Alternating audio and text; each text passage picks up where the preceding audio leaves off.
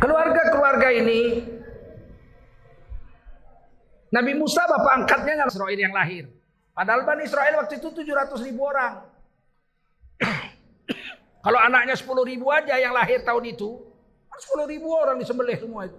Gak ada manusia gila gini. Gara-gara mimpi, dibunuhnya bayi-bayi coba. Gak ada manusia segila ini. Fir'aun. Tapi ibu angkatnya soleha. Siti Asyah la ilaha illallah. Tiada Tuhan selain Allah. Maka kemudian Fir'aun meniris-iris kulit Siti Asyah pakai pisau. Diiris-iris luka-luka, disiram air garam. Kepedihan, menjerit Siti Asyah. Macam mana? Siapa Tuhan? Saya Tuhan. Kata Asia tidak, wahai Fir'aun. Assalamualaikum warahmatullahi wabarakatuh. Kaum muslimin muslimat di mana pun anda berada. Saya Tengku Zulkarnain mengucapkan terima kasih atas bantuan kaum muslimin muslimat selama ini. Dan Alhamdulillah masjid kita sedikit lagi akan selesai dan kita akan buat pengajian pertama pembahasan kitab-kitab klasik seperti Kifatul Akhyar dan kitab-kitab akidah sunnah wal jamaah serta kitab hadis dan tafsir di masjid kita ini. Kami masih perlu satu miliar lagi untuk menyelesaikan bangunan dan sarana prasarana bagi pesantren putri kami Yayasan Barokah Sumatera Utara. Berapapun yang Anda kirimkan sangat bermanfaat untuk agama. Untuk dakwah, taklim wa taklum, ibadat dan khidmat bagi agama kita. 10 ribu pun bermanfaat. 10 ribu kali 1 juta orang, 10 miliar untuk kepentingan agama kita.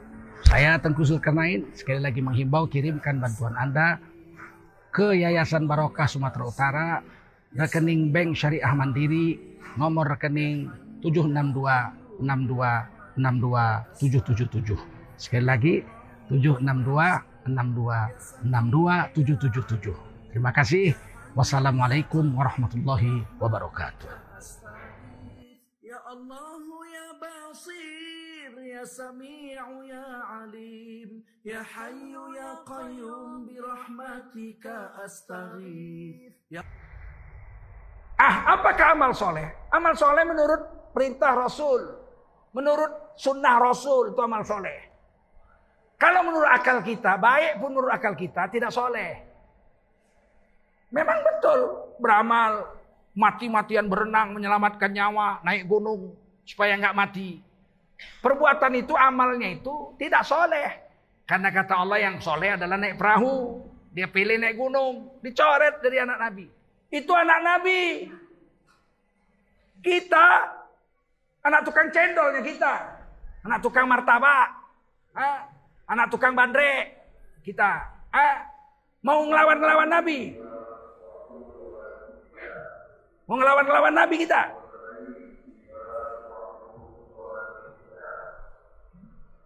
Sedangkan anak Nabi melawan syariat Islam, melawan sunnah Nabi dicoret dari keluarga Nabi, apalagi kita. Orang mengatakan soleh itu baik, belum tentu. Baik, belum tentu soleh. Kalau soleh pasti baik. Misalnya ada seorang wanita muda mau menyeberang jalan. Jalan itu ramai kendaraan berkeliweran. Wanita itu nggak berani nyebrang, takut ditabrak mobil. Tiba-tiba datang anak muda. Adik mau ngapain? Mau nyebrang takut aku bang. Mari ku seberangkan. Pegangnya tangan anak gadis itu. Seberang dia. Itu berbuat baik dia untuk anak gadis itu. Tapi dalam Islam tidak soleh. Kenapa? Karena itu gadis bukan mahramnya. Kenapa dipegangnya tangannya? Jadi bagaimana menyeberang supaya soleh? Ambil sapu tangan. Ah, kau pegang ujung sapu tangan sana. Aku pegang ujung sapu tangan sini. Kita seberangkan dia. Itu baru berbuat baik yang soleh. Menurut sunnah Nabi bukan menurut akal perasaan manusia. Inilah yang diajarkan oleh Allah Subhanahu taala kepada kita.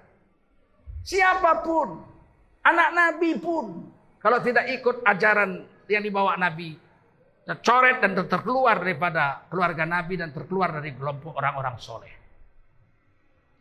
Tapi kalau kita soleh, kalau kita soleh, kita masuk surganya bareng-bareng. Kalau bapaknya soleh, ibunya soleh, kakek nenek moyangnya soleh, anak cucu cicitnya soleh, menantunya soleh, mertuanya soleh, ya semuanya satu keluarga besar. Nabi Nuh gagal bersama istri dan anaknya.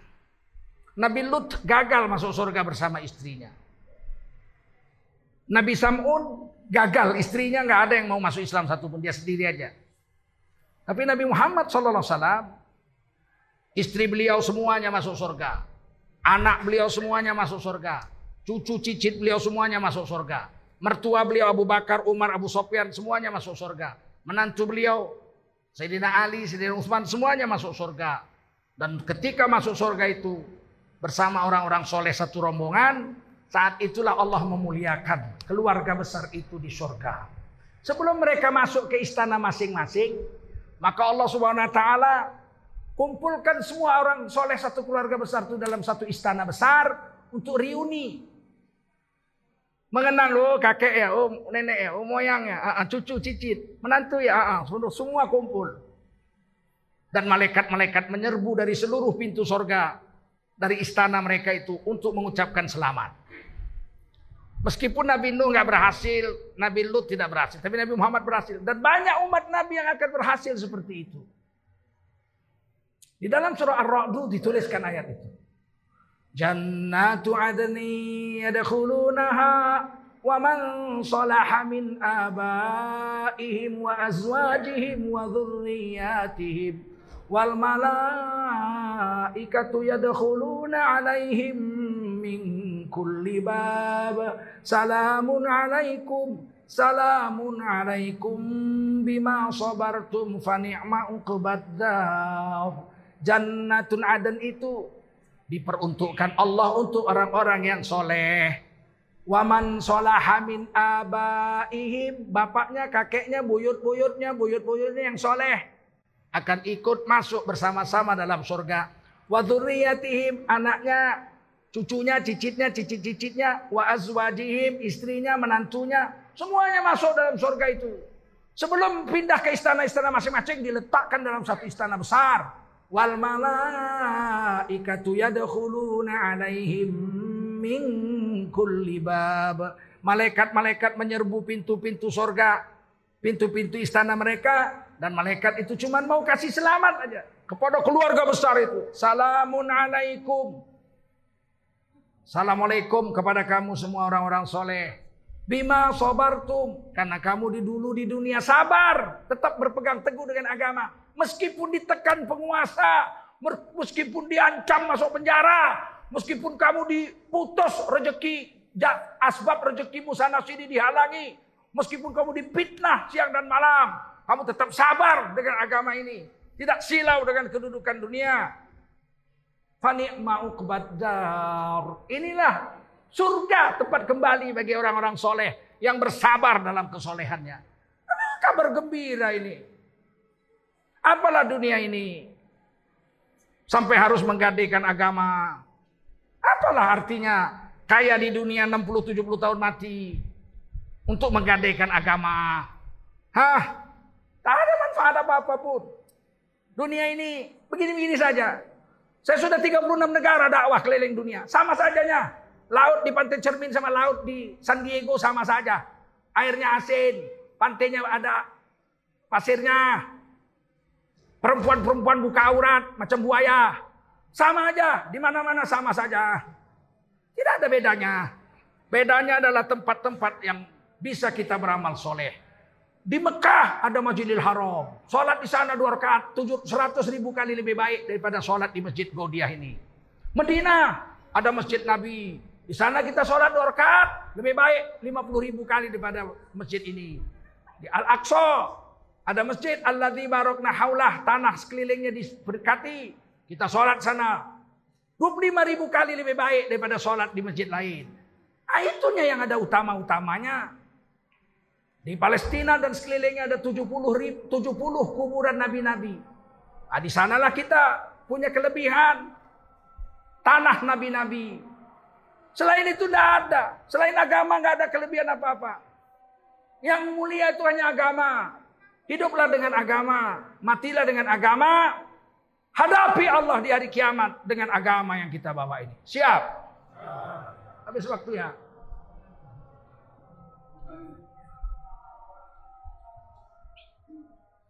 Boleh digeser kalau ada taklim, tapi tidak boleh pulang sebelum sholat berjemaah. Kalau ceramah ini belum selesai Anda pulang, Anda berdosa. Tapi kalau Anda ikut sini, nanti kita azan, kita sholat berjemaah, tidak berdosa menggeser sholat. Dalam kitab Kifatul Akhyar, Nabi kadang-kadang kalau ngaji sampai tengah malam baru sholat isya. Sampai sahabat tertidur-tertidur. Terantuk-terantuk kepalanya ke dinding saking ngantuknya. Tidak berdosa menggeser sholat ini. Sebab dua yang wajib datang, salah satu mundur. Menuntut ilmu wajib, sholat berjemaah wajib.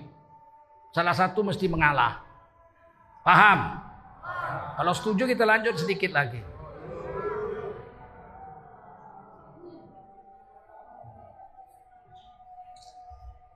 Keluarga-keluarga ini Nabi Musa bapak angkatnya nggak masuk surga. Fir'aun karena mengaku Tuhan. Zolim, membunuh Bani Israel yang lahir gara-gara mimpi aja. Gara-gara mimpi ada seorang pemuda Bani Israel yang akan menghancurkan kekuasaannya, dikeluarkannya SK raja, surat keputusan raja. Bunuh semua anak bayi Bani Israel yang lahir. Padahal Bani Israel waktu itu 700 ribu orang. Kalau anaknya 10 ribu aja yang lahir tahun itu, 10 ribu orang disembelih semua itu. Gak ada manusia gila gitu. Gara-gara mimpi dibunuhnya bayi-bayi coba. Gak ada manusia segila ini.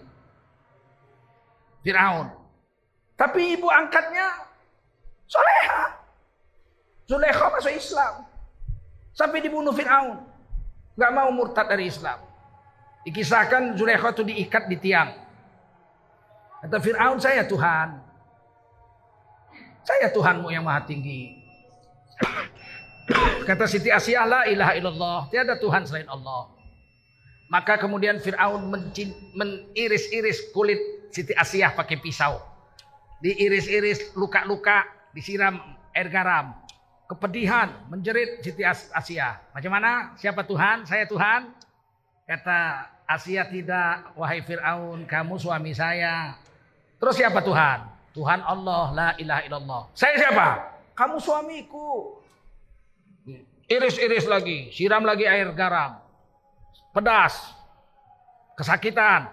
Tanya lagi, saya siapa? Kamu suamiku. Nggak berubah ucapan. Kamu suamiku. Siapa Tuhan? Tuhan Allah, la ilaha illallah. Akhirnya dicungkil matanya. Sebelah dicungkil matanya, siram air garam. Siapa aku? Kata Fir'aun. Engkau suamiku, wahai Fir'aun. Nggak berubah jawaban. Nggak dibilangnya setan, kau bangsat. Nggak ada. Jadi bilang yang kau suamiku, wahai Fir'aun. Siapa Tuhan? La ilaha illallah. Tiada Tuhan selain Allah. Cungkil matanya sebelah lagi. Siram air garam. Siapa? Tuhan. Tuhan tetap jawabnya. La ilaha illallah. Nggak ada Tuhan selain Allah. Jadi aku siapa? Engkau suamiku, wahai Fir'aun. Akhirnya ditebas lehernya mati. Nabi Musa tidak berhasil bersama satu keluarga besarnya Bapak angkatnya Fir'aun ke dalam neraka, tapi ibunya masuk surga. Orang kalau masuk surga nggak punya suami atau nggak punya istri, dia akan menjerit di sana. Siti Asia masuk surga nggak punya suami, suaminya Fir'aun ke dalam neraka. Siti Maryam nggak punya suami, masuk surga. Maka dua wanita ini akan menangis di surga nggak punya suami. Bagaimana supaya mereka punya suami? Maka ketika Nabi Muhammad lahir ditulis dalam kitab Al-Barzanji, ruhnya diturunkan ke dunia menolong Nabi ketika ibu beliau melahirkan. Turun rohnya atas perintah Allah. Dibantu melahirkan ibunya. Nanti di akhirat Allah nikahkan Siti Maryam dan Siti Asia kepada Rasulullah Sallallahu Alaihi Wasallam. Tak ada laki-laki yang pantas menjadi suami Asia dan suami Maryam kecuali Rasulullah. Betul? Nah mungkin anda kan Tak mungkin, tak mungkin saya, nggak kelasnya. Di sana mesti sekufu, mesti seimbang itu. Begitulah dalam Islam diceritakan. Oleh karena itu jadilah kita keluarga yang soleha. Jangan jadi keluarga-keluarga yang rusak. Binatang-binatang itu menjadi itibar, menjadi contoh bagi kita. Imam Ghazali rahimahullah ta'ala mengatakan siapa paham 40 sifat binatang masuk surga. Siapa paham 40 sifat binatang masuk surga. Binatang ini ada yang Setia dia suami istri. Tapi ada yang tidak setia. Satu keluarga itu ada yang nggak setia. Ikan badau. Orang Jawa bilang iwak kutuk. Ikan gabus. Itu yang betina setia kepada anak-anaknya bertelur. Ribuan itu anaknya dijaga di bawah. Kenapa? Karena yang jantan akan datang memakan anak-anaknya. Binatang yang memakan anaknya itu ikan gabus, ikan badau, ikan kutuk. Akan dijaga oleh betinanya, dipukul itu. Betinanya besar, yang jantan lebih kecil. Dipukul, kalau datang dipukul. Karena kalau enggak anaknya akan dimakani. Dan kadang-kadang karena terlalu banyak anaknya lebar, lolos juga dimakan bapaknya itu. Maka bapak yang makan anak disebut bapak gabus, bapak badau. Ada yang terbalik pula, ibunya makan anaknya. Ikan laga. Ikan cupang kata orang Jawa itu ikan laga. Ikan laga itu kalau dia kawin, telurnya keluar, dibuahi oleh yang jantan, yang jantan lemas itu jatuh ke, ke dasar botol itu. Waktu dia lemas itu, yang betina ini memakan telur-telur itu. Yang jantan cepat bangun makan telur. Yang jantan di kulumnya aja telur itu. Kalau yang betina dimakannya. Kemudian setelah itu yang jantan meletakkan telur itu di buih. Tiga hari kemudian telur itu menetas. Jadi ulat-ulat, larva-larva kemudian jadi anak ikan laga. Itu yang betina harus dikeluarkan dari tempat itu. Kalau tidak, sesiang dan malam yang betina itu mengintip mau makan anaknya. Yang jantan jaga di bawah buih itu, menjaga anaknya. Ibu yang memakan anaknya, ibu ikan laga. Adam ke rumah tangga itu bininya yang memakan lakinya. Setengah mati lakinya cari duit. Kumpul duit bahkan ke luar negeri. Banting tulang. Jadi TKI di Hong Kong. Masak babi. Pulang-pulang. Lima tahun nggak pulang sekali pulang bawa duit banyak. Anaknya nambah. Loh. Ya anak kita kan dulu dua ya. Ha -ha. Sekarang kok jadi tiga. Gimana lah bang lima tahun abang nggak ada kepepet. Ini bini laba-laba ini. Binatang yang seperti ini laba-laba. Laba-laba itu tidak pernah ada laba-laba satu rumah dua ekor. Ada. Laba-laba itu yang betina besar. Dia bikin sangkarnya besar. Yang jantan lebih kecil. Nanti kalau dia mau kawin dia joget-joget. Cing, cing, cing, cing, cing, cing, cing, cing, cing, cing, cing. Nah nanti datang yang jantan pelan-pelan, pelan-pelan datang. Pelan, takut, takut. Pelan-pelan datang, datang, datang. Akhirnya kawin. Begitu kawin dia lemas, langsung dimakan sama yang betina itu. Mati. Maka laba-laba dalam bahasa Inggris disebut the black widow. Janda hitam. Tidak pernah punya laki itu. Shh, shh. Pasti dimakannya lakinya. Bini yang mengkhianati lakinya. Ini bini laba-laba. The black widow. Banyak sekarang begitu. Lakinya setengah mati, bininya main sama supir. Nah, selingkuh sama tukang ojek. Ini laki-laki, bini laba-laba ini. Ada pula binatang itu, bininya setengah mati kerja. Lakinya santai tidur-tidur di rumah. Dapat makanan, dia duluan makan paling banyak. Siapa itu? Singa jantan. Singa jantan gak pernah cari makan. Yang betina aja berburu rame-rame. Kalau dapat dia duluan makan yang paling banyak. Padahal singa jantan itu rambutnya gondrong, badannya besar, berwibawa. Kalau dia masuk hutan, ada monyet di pohon, tahu saya dipanjatnya, ditengoknya aja gitu jatuh monyet. Ditengoknya gitu, jatuh monyet, saking wibawanya. Kalau dia mengaum, ditengok, hah, jatuh monyet, tinggal dia terkam. Tapi pemalas. Berapa banyak laki sekarang macam singa, rambut gondrong, badan tegap, merokok.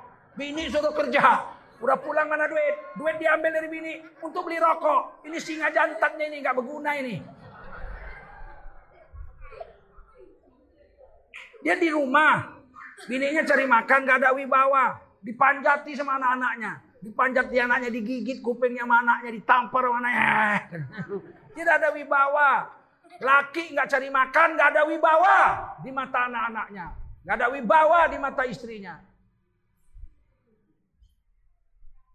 Ada pula sekelompok binatang tuh anaknya pula yang jahat, yang kejam. Komodo, Komodo itu binatang, kata orang dragon, naga.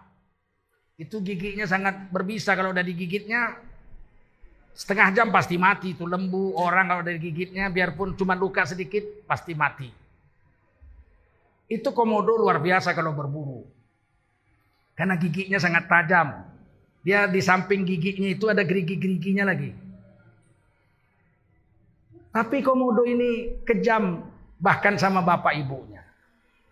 Kalau bapaknya sudah sakaratul maut, anaknya 12 datang aja entah dari mana-mana anaknya tahu juga bapaknya mau mati itu. Berkeliling bapaknya itu, dikelilingi, anaknya lihat gitu. Bapaknya sakaratul maut. Anaknya lihat gitu. Begitu putus nyawanya, langsung rame-rame anaknya tuh memakan jasad bapaknya. Koyak-koyak habis, tinggal tulang. Berapa banyak manusia sekarang seperti komodo? Bapaknya sakit, anaknya di baru datang, dari Aceh datang, dari Jawa datang, oh dari Tanah Batak datang. Melihat, wah bentar lagi mati. Mana sertifikat tanah nih? Mana STNK buku hitam mobil ini? Anak komodo ini. Begitu bapaknya mati berobot warisan cabe-cabe. Nggak ada diurus bapaknya. Giliran sholat jenazah empat takbir nggak bisa. Empat takbir nggak bisa. Anak komodo. Oleh karena itu kita pikirkan ini. Janganlah kita seperti anak komodo. Setengah mati bapak ibu kita membesarkan kita. Udah besar kita udah bisa hidup sendiri malah kita makan bapak ibu kita. Pemalas, minta sekolahkan, 25 tahun jadi dokter, udah jadi dokter, bilang sama bapak, pak aku udah dokter pak, tapi belum bisa praktek, harus beli ruko. Bapaknya kerja lagi beli ruko, udah punya ruko pak, praktek dokter, alat praktek gak ada, minta lagi sama duit bapak, beli lagi praktek. Sampai bapaknya mati gak sempat ibadah bapaknya, ngurusin dia aja. Ini anak komodo ini.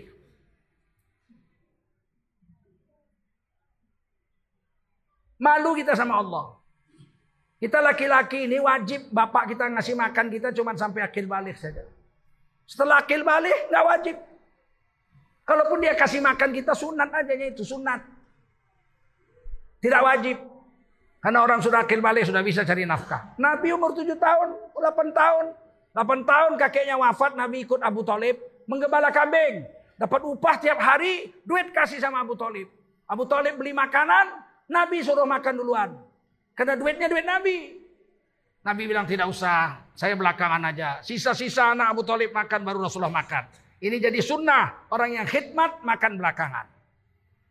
Sangat dihormati oleh Abu Talib. Umur 8 tahun Nabi sudah cari makan. Gembala kambing dapat duit untuk keluarga Abu Talib. Karena Nabi numpang sama Abu Talib. Begitu.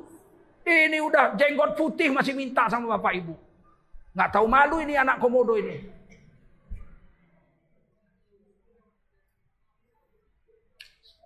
Saudara-saudara yang mulia, kita ini bukan binatang.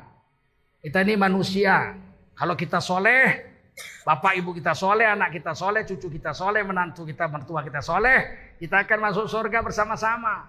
Dan malaikat akan takjub. Malaikat akan memberikan salam, sejahtera, selamat kepada kita keluarga besar kalau kita bisa jadi orang-orang yang soleh.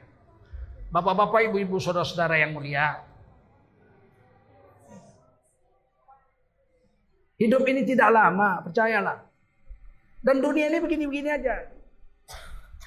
Ternyata dunia itu nggak enak. Makanan tuh enaknya cuma sejengkal aja.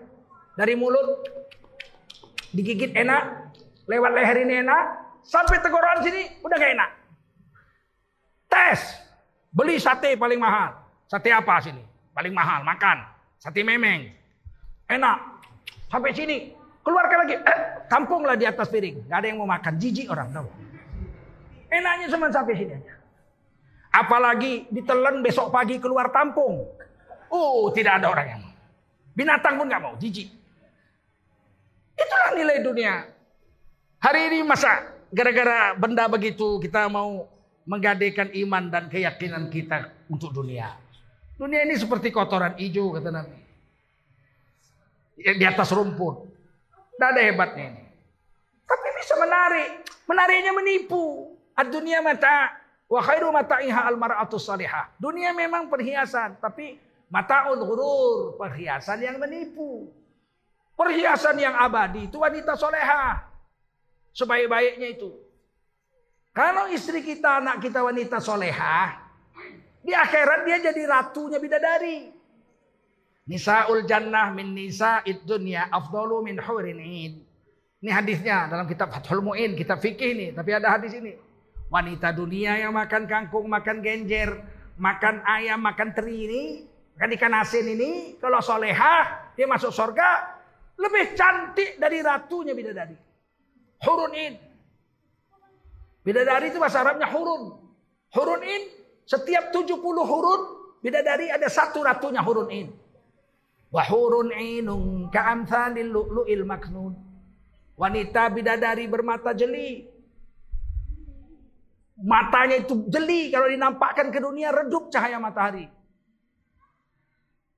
Jazaa'am bima kanu ya'malun.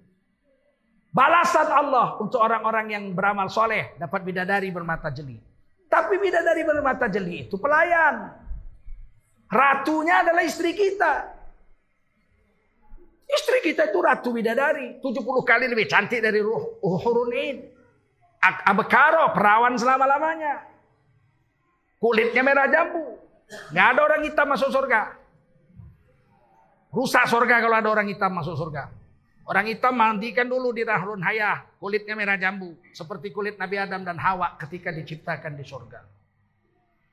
Nah, barulah. Istrinya itu dipakai baju 70 lapis sutra hijau. Ditidurkan di tengah-tengah istana kamar paling besar. Tempat tidurnya dari yakut merah. Maka dia menunggu suaminya datang 500 tahun lamanya.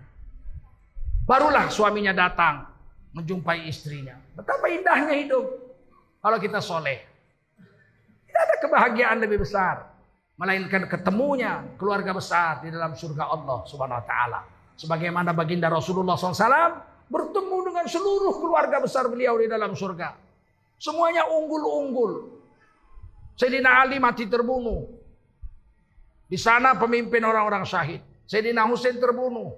Pemimpin orang-orang mati syahid. Sayyidina Hasan diracun. Pemimpin orang-orang mati syahid. Sedangkan mati syahid. Dua juta setengah bidadari. Sebagai pelayannya disediakan Allah subhanahu wa ta'ala. Dan orang mati syahid. Di dalam kuburnya tidak busuk jenazahnya sampai hari kiamat. Di hari kiamat kelak darah-darah yang mengalir tetap mengalir seharum kesturi bahkan lebih harum dari kesturi untuk membuat bangga orang-orang yang membela agama syahid di sisi Allah Subhanahu taala. Sementara orang-orang yang mengejar dunia mendapat catatan amal dari punggungnya. Fa man utiya kitabahu wara'a Ada orang-orang adapun mereka yang dapat catatan amal dari punggungnya di hari kiamat akan menjerit Dulu di dunia senang-senang sama anak bini.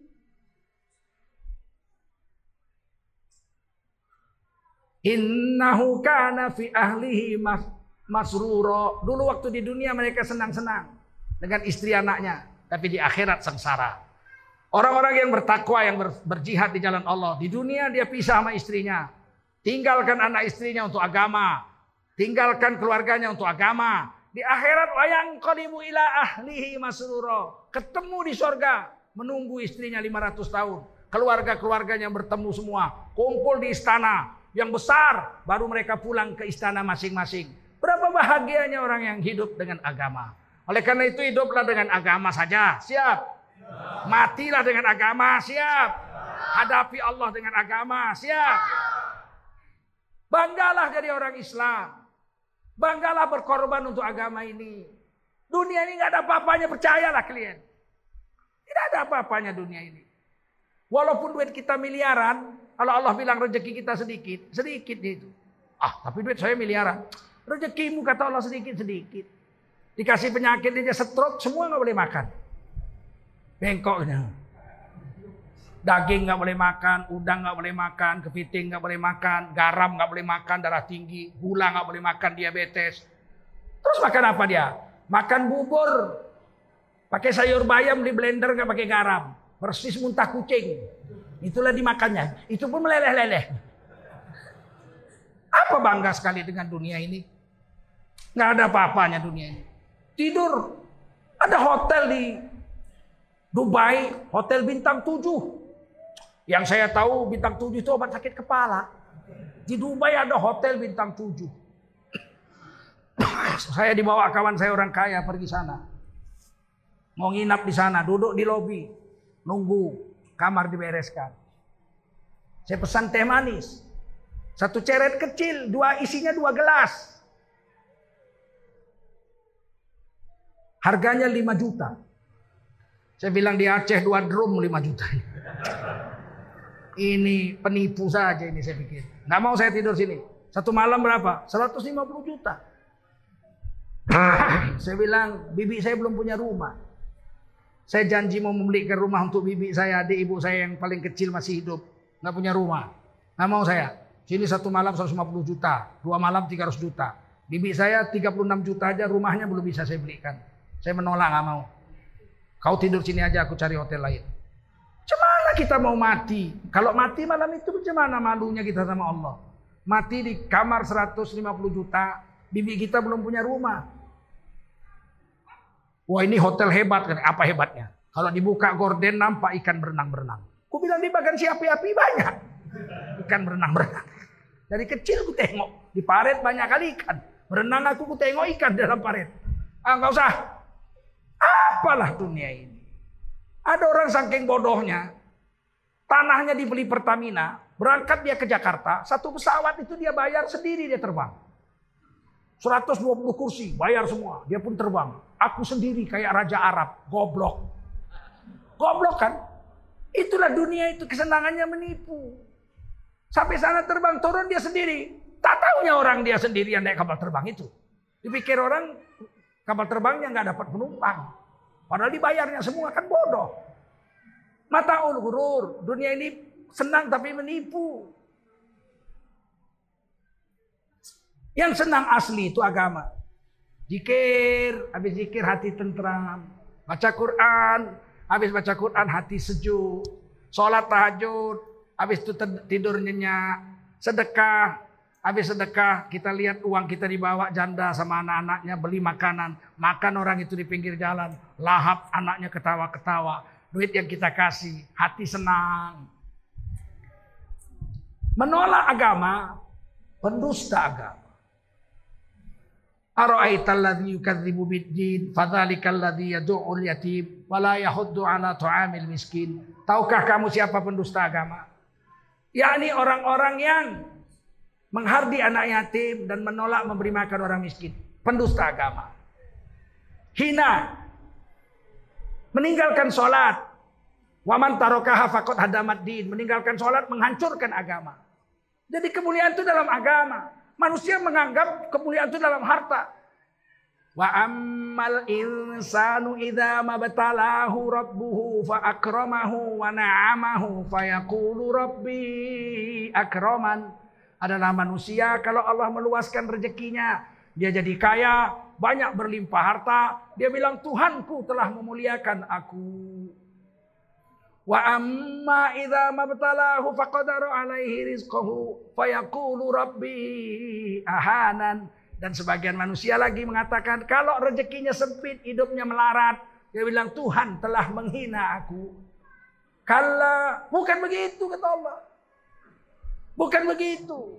Kamu kaya tidak menjadi mulia. Kamu miskin tidak menjadi hina. Balla tukrimunal yatim. Kamu jadi hina kalau tidak memuliakan anak yatim. Agama.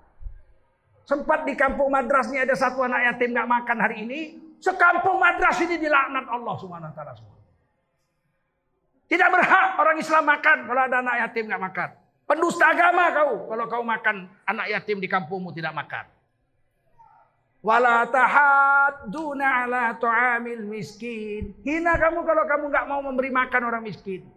Kalau ada orang miskin lapar hari ini, cabut kesempurnaan imanmu. Kamu bukan orang beriman dengan sempurna.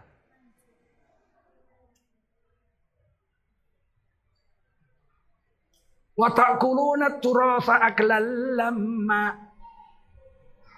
Kamu memakan harta warisan dengan cara yang zolim. Itu kamu tidak mulia, hina kamu. Watuhibbunal mala hubban jamma. Siang malam ngumpul harta. supaya kaya, punya mobil mewah, punya rumah. Itu hina, kata Allah. Orang hari ini demi supaya kaya mencuri. Ha, duit bansos diembat. Kita disuruhnya pakai 3M. Memakai masker, mencuci tangan, menjaga jarak. Dia 17M diembatnya. Dipikirnya bahagia dengan duit seperti itu. Dia hina. Tidak ada kemuliaan dalam harta kata Allah. Kemuliaan itu dalam agama. Ya ayyatuhan nafsul mutmainnah irji'i. Hei, jiwa yang sudah terkendali, nggak goncang dengan dunia. Jangan kita buang agama gara-gara dunia. Itulah nafsul yang mutmainnah. Irji'i ila rabbiki radiyatan mardiyah. Datangi Tuhanmu dengan ridho dan kamu akan diridhoi. Fadkhuli fi ibadi. Bergabunglah dengan hamba-hambaku yang soleh-soleh. Jangan gabung dengan orang-orang bejat. Wadkhuli jannati. Masuklah ke surgaku. Yang dipanggil masuk surga itu bukan orang. Yang dipanggil masuk surga itu bukan orang beriman. Tidak ada ya ayuhalladzina amanu udkhulul jannah. Nggak ada ayatnya. Hei orang beriman masuklah surga. Nggak ada. Ya ayuhan nas udkhulul jannah. Hei manusia masuklah surga. Nggak ada. Yang masuk surga itu nafsu. Dipanggil. Hei nafsu yang sudah terkendali. Nggak goncang dengan dunia. Agama tetap dia pegang. Baru dipanggil. Irji'i ila rabbiki radiyatan mardiyah. Datangi Tuhanmu dengan ridho kau akan diridhoi. Tidak mungkin kita beribadah dengan ridho. Kalau dunia masih besar di hati kita. Pasti kita akan beribadah gara-gara dunia. Umroh. Muncul di TV supaya dipilih jadi gubernur. Supaya dipilih jadi wali kota. Supaya dipilih jadi presiden. Lihat orang pakai jubah serban. Kadal gurun. Begitu nyalon. Jadi kadal gurun. Pakai serban jubah. Janganlah ke Arab-Arapan. Begitu kampanye pakai kerudung. Loh, Bu, ini kan ke Arab-Arapan. Oh enggak, kalau saya yang pakai itu ke ke pemilu-pemiluan. Dimainkan agama untuk dunia. Kamu tidak akan mulia, kamu akan hina. Sebaliknya ketika nafsu kita tunduk dengan agama, maka ke akhirat kita akan menjadi manusia yang mulia. Muliakan diri kita dengan agama. Siap? Korbankan harta dan waktu kita, diri kita untuk agama. Siap? Nanti di akhirat, sebelum ke akhirat kita masuk kubur, indah kubur itu. Bagi orang mukmin yang banyak beramal soleh, kubur itu dinampakkan buah amalnya. Dinampakkan tuh, oh itu sholat saya udah berbuah. Itu puasa saya seumur hidup sudah berbuah. Itu mujahadah saya di jalan Allah sudah berbuah. Itu bacaan Quran saya bertahun-tahun sudah berbuah. Itu zikir saya bertahun-tahun sudah berbuah. Itu sedekah saya sudah berbuah. Ya Allah buahnya ranum-ranum. Saya kepingin makannya. Atau Allah tunggu hari kiamat nanti kau ambil semua. Sekarang kau lihat-lihat aja. Melihat buah begitu ranum-ranum. Itu sudah kebahagiaan yang besar. Seperti petani. Sudah sawahnya sudah menguning. Dia tinggal tunggu jangan dimakan burung. Kelondeng, kelondeng, kelondeng, kelondeng. Gembira. Tinggal sebentar lagi memetik. Orang-orang soleh di surganya menunggu panen. Jadilah surga, jadilah kuburnya itu. Raudhah min riyadil jannah. Taman daripada taman surga. Sebaliknya orang-orang yang tidak mau beramal, sibuk dengan dunia. Alhaqumut takatsur hatta zurkumul maqabir. Bermegah-megahan cari harta dunia nama besar. Anak istri banyak menyebabkan kamu lalai sampai kau masuk lubang kubur. Di kubur nggak ada yang berbuah. Sholatnya nggak berbuah, semua nggak berbuah. Zikir nggak ada, baca Quran nggak ada, menipu yang banyak. Tumbuh semak belukar. Ada ular kobra situ, ada ular weling, ada ular tanah, ada kala jengking, ada singa. Oh, waduh, di kubur nggak ada ketenangan. Menjadilah kuburnya itu lembah daripada lembah-lembah neraka. Mudah-mudahan khutbah singkat ini, ceramah singkat ini menggugah diri saya dan diri kita semua. Mari kita didik anak-anak kita ini menjadi anak-anak yang soleh. Siap ya? Ini nanti doa dia tembus ke kubur. Doa dia tembus di mahsyar. Tangan-tangan kita akan digandeng oleh anak-anak yang soleh untuk memasuki surga Allah Subhanahu wa taala. Subhanallah bihamdihi subhanakallahumma wa bihamdika asyhadu an يا الله يا بصير يا سميع يا عليم يا حي يا قيوم برحمتك أستغيث.